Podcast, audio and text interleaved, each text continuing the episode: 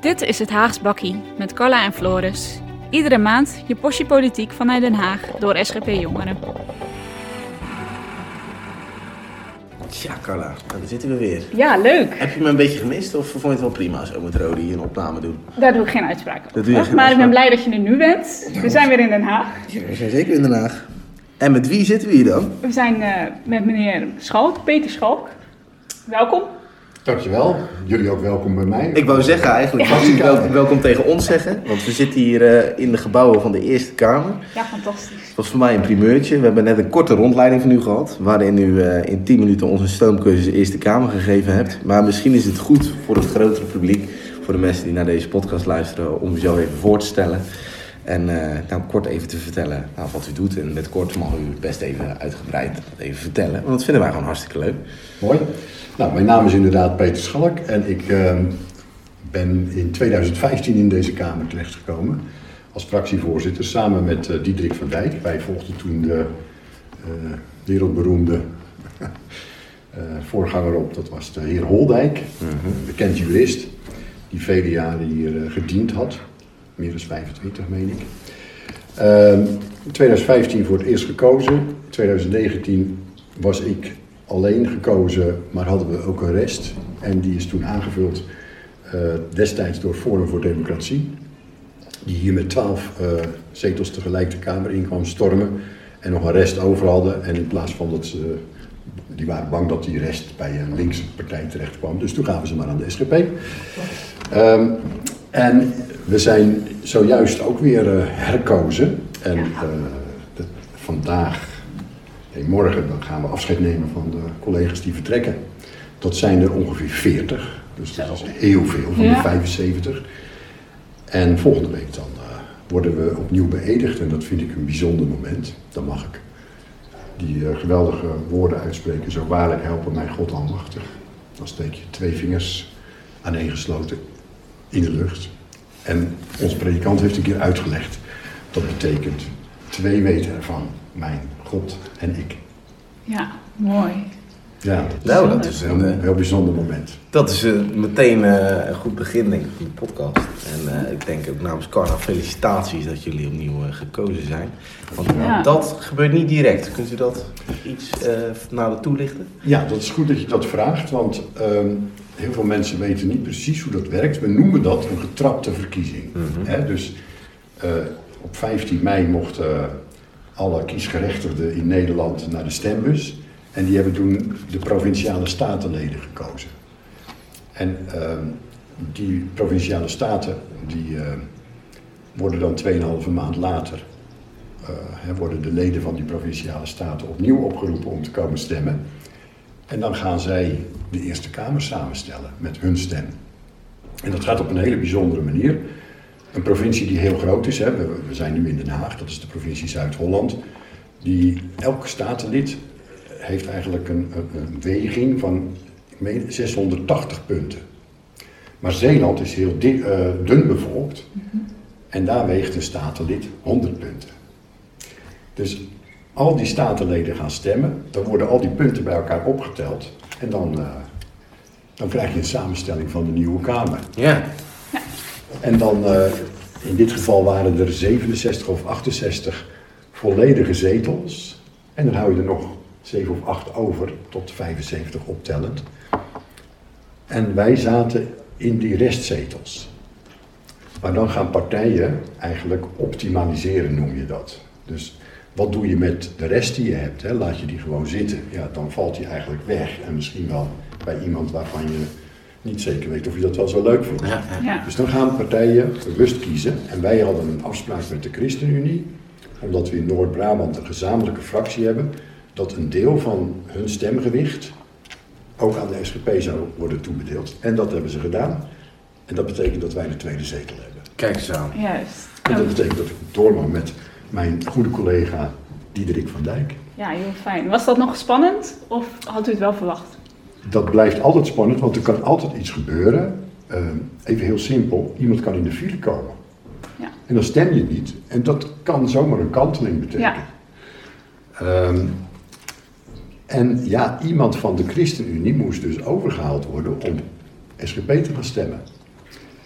Maar goed, dat, eh, dat gaat allemaal in goed overleg. Maar je hoopt dat het goed gaat. En heel eerlijk gezegd, dinsdagmiddag waren die stemmingen. Maandag, van maandag op dinsdagnacht, om een uur of twaalf, zaten we nog met een groepje mensen in conclaaf. Om de laatste afspraken te bevestigen. Zo. Dus de politiek werd al bedreven voordat er... eh, Ja, dat is, dat is onderdeel van het politieke bedrijf. Ja. Ja. Het is ook een stuk Ja. democratie, Ja. maar het is ook, ja, je noemt het toch politiek. hè? Ja. Ja, dat is wel interessant. Want ehm, ik denk dat heel veel mensen wel in zekere zin weten wat er in de Tweede Kamer gebeurt, maar niet echt wat er in de Eerste Kamer gebeurt. Kunt u daar iets meer over vertellen? Ja. Ehm, eigenlijk eh, zou je kunnen zeggen dat, dat is wel eens gezegd, de Eerste Kamer is er niet om, iets- om het goede te doen, maar om het kwade te weren. Ja, een mooie term natuurlijk. Wat is nou eigenlijk precies eh, de taak van de Eerste Kamer? Elke wet die in de Tweede Kamer wordt goedgekeurd, die komt in de Eerste Kamer terecht. Want de Eerste Kamer is eigenlijk het laatste station waar die wet nog één keer door de wasstraat wordt gehaald, zou je kunnen zeggen. Met andere woorden, wij kijken nog één keer of dit nou een wet is die voldoet aan drie criteria: rechtmatigheid, uitvoerbaarheid en handhaafbaarheid. En eh, dat hele proces van dat wetgevingsproces hier binnen de Eerste Kamer is natuurlijk ook interessant om er iets over te zeggen. Maar uiteindelijk stemmen we, als die wet wordt aanvaard, dan gaat de minister ermee naar de koning. En dan wordt die eh, ondertekend door de koning en dan heeft hij kracht van wet.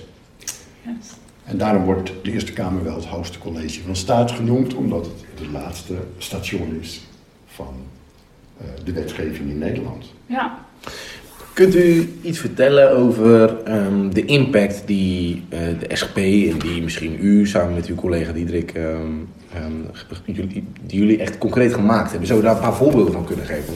Waar wij tegenaan lopen, we proberen politiek ja, makkelijk te brengen en het, zichtbaar te maken.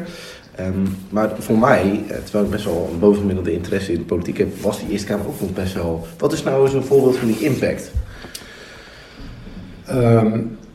Nou, laat ik een voorbeeld nemen dat misschien wel in de, in de achterban heel erg eh, eh, begrijpelijk is. Hè?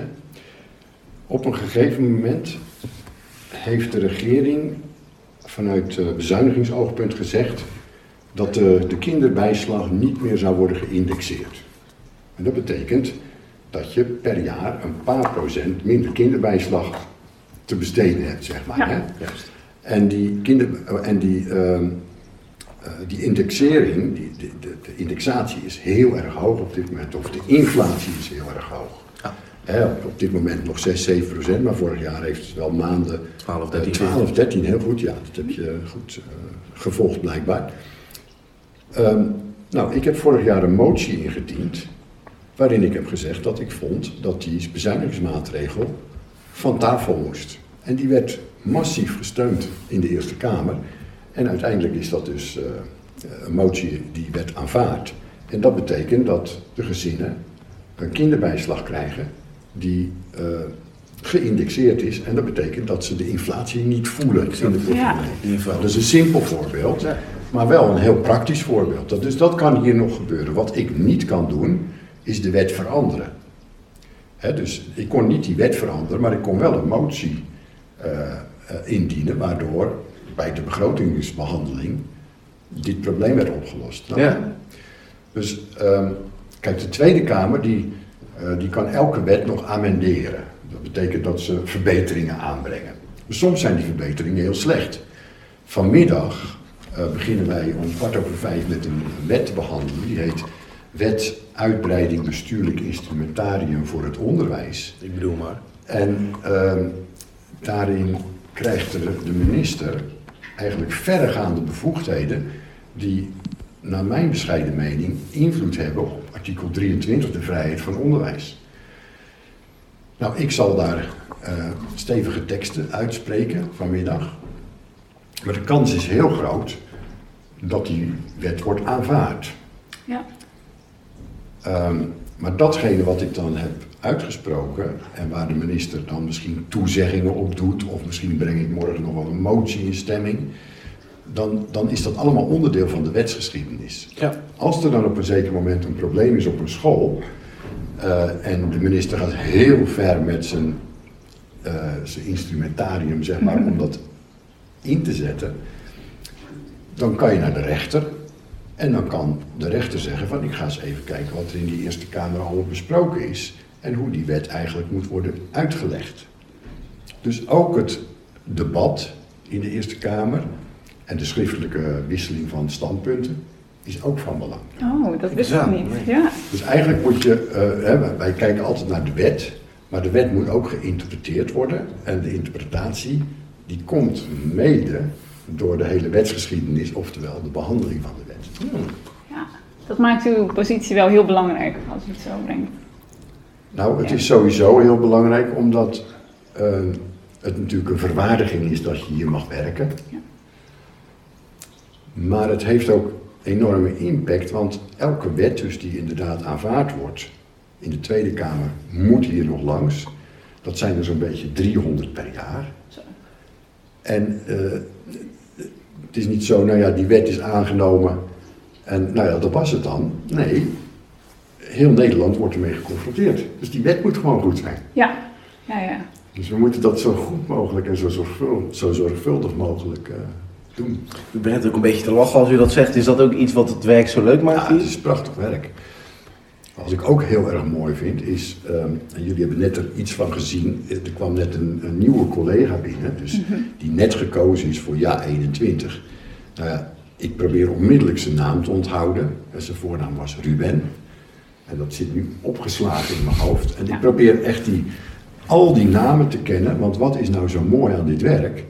Dat je met z'n tweeën een fractie vormt, maar met 75 mensen dat geweldige werk mag doen. En wat ik probeer is om iedereen te kennen bij naam, contact met hen te hebben, een relatie met hen te hebben. Die meneer die we net hebben gezien, als ik die volgende week tegenkom, weet hij ongetwijfeld nog Ja. dat ik even met hem heb staan praten. Ben ik helemaal Ja. met u eens. Ja. En die relatie is heel erg belangrijk. Ja. Waarom? Omdat we soms in commissievergaderingen of in de Kamer in gesprek raken. En dan wil ik dat eh, zeg maar mijn opponenten in het debat weten dat ik een gewoon normale meneer ben. Die Ja. met hen in contact is. Die Hun voornaam ogen kent. heeft voor hun voornaam kent. Of als die- iemand twee weken niet geweest is, dat je even langsloopt en zegt eh, als hij er weer is van hé, hey, ik heb je gemist, hoe is het met je? Dat is geen kunstje van mij, dat hoort bij hoe ik Mensen. probeer met mensen om te gaan. Ehm, maar je merkt ook dat dat gewoon een positief effect heeft op de manier waarop de SGP bejegend wordt. zeg. Ja, Ze weten dat we, eh, dat we eh, eh, staan voor wat we vinden, maar dat accepteren ze veel meer en veel eerder als ze ook een relatie met je hebben. ja. Ik wil dan toch nog één vraag stellen en, en we hebben niet zo heel veel tijd meer, maar eh, net was een nieuwe collega, dat is een mooi voorbeeld. Eh, er komen heel veel nieuwe collega's aan. Mhm. Eh, u gaf net aan dat er 40 mensen eh, weg moeten of vertrekken, hoe je het noemen wil. Vorige week was ehm, de pensioenwet, de nieuwe pensioenwet, ja, hoe je het noemen moet, ehm, die was in stemming. Ehm, maar die was in stemming onder het vorige Senaat. Ja. Ehm, terwijl dat toch eigenlijk best wel apart is als er heel veel nieuwe collega's bij komen en weggaan. Kunt u, wat, wat, Ja. Snapt u dat mensen denken van ja, dit gaat over ons geld en over onze pensioenwetten, ook over die van mij en Carla. En dan wordt het nog even geregeld met het oude parlement, of met, met de oude senaat, excuus. Ja. Nee, dat snap ik wel aan de ene kant. En eh, de, de wet heet overigens Wet Toekomst Pensioenen. Dank u wel. eh, de WTP. En ehm, nou, dit argument is ook ingebracht in het debat. Hè. Moet, moet deze Kamer dat nu eigenlijk nog gaan behandelen?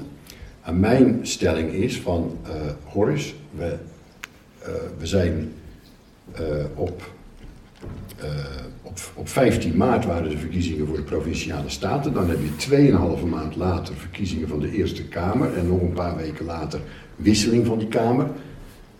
Gaan we nou in die tussentijd helemaal niets meer doen? Hmm, Of hebben wij een mandaat dat loopt tot aan de wissel van de Kamer? Juist. En dat is mijn stellige overtuiging.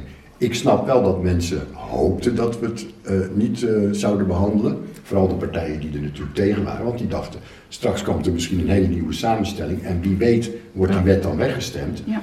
Wat wij wat, eh, vanaf het begin hebben gezegd is wij gaan niet versnellen en wij gaan niet vertragen. Dus dat mogen ze van de SGP verwachten. Wij doen niet aan allerlei politieke spelletjes. Gewoon ons werk doen tot aan het laatste moment. Dan is er een nieuwe Kamer en dan gaan we weer verder. Dan gaan we gewoon verder. En dit was natuurlijk een, een ingewikkelde, ook omdat er ehm, eh, werd gesproken over de grondwet. Er werd nog gesproken over van de positie van, eh, van de Kamerleden zelf. Nou, misschien mag ik daar nog even iets van, van zeggen. Eh, er werd gezegd van ja, jullie praten over je eigen pensioen, maar dat is niet zo. Want Eerste Kamerleden krijgen geen pensioen voor hun Eerste Kamerwerk. Alleen de voorzitter, en die had daarvan afgezien toen hij benoemd werd als voorzitter. Met andere woorden, wij konden gewoon zuiver eh, spreken over de wet zoals die voorlag. En met alle mitsen en maren en een uitstel van de invoeringsdatum heeft de SGP uiteindelijk voorgestemd. En we zullen de komende periode sterk monitoren hoe eh, die wet uitpakt. Ja, Dat is ook ons werk. Dank. Juist. Helder. Ja, dat pensioen, daar moeten we het dan denk ik toch nog maar eens over hebben, want daar is nog heel veel onduidelijk over. Dit vond ik in ieder geval glashelder. Ja, dit was onwijs interessant. We kunnen nog wel een uur doorpraten volgens mij, maar de tijd zit er echt op. Dus ehm, bedankt voor die tijd. Ook heel veel succes vanmiddag. Bedankt voor de koffie ook. Ja, graag Heel lekkere koffie. Ja, ja. het is een Haags bakje. Het is, het is Ja. wat minder eh, teruggekomen in het geluid in de aflevering, maar we hebben hem echt op weer vandaag Ja, hier. ja, we hadden geen kop en schotels hier. Nee, Nee, we hebben helaas. allemaal van die... eh, Ja, we hadden plantaardige koffie. Nee, we zijn voor de normale koffie gegaan. We willen de Eerste Kamerfractie van de SGP weer ontzettend bedanken. En u, meneer Schalk, ontzettend eh, bedanken voor uw tijd. En eh, we wensen u heel veel succes in uw belangrijke werk. En wij gaan weer op huizen. Dankjewel. En jullie succes met Haags bakkie. Dank u wel. ja, bedankt. Dit was het Haags Bakkie, de podcast van SGP Jongeren. Ga voor meer informatie naar sgpj.nl/podcast. Tot de volgende keer.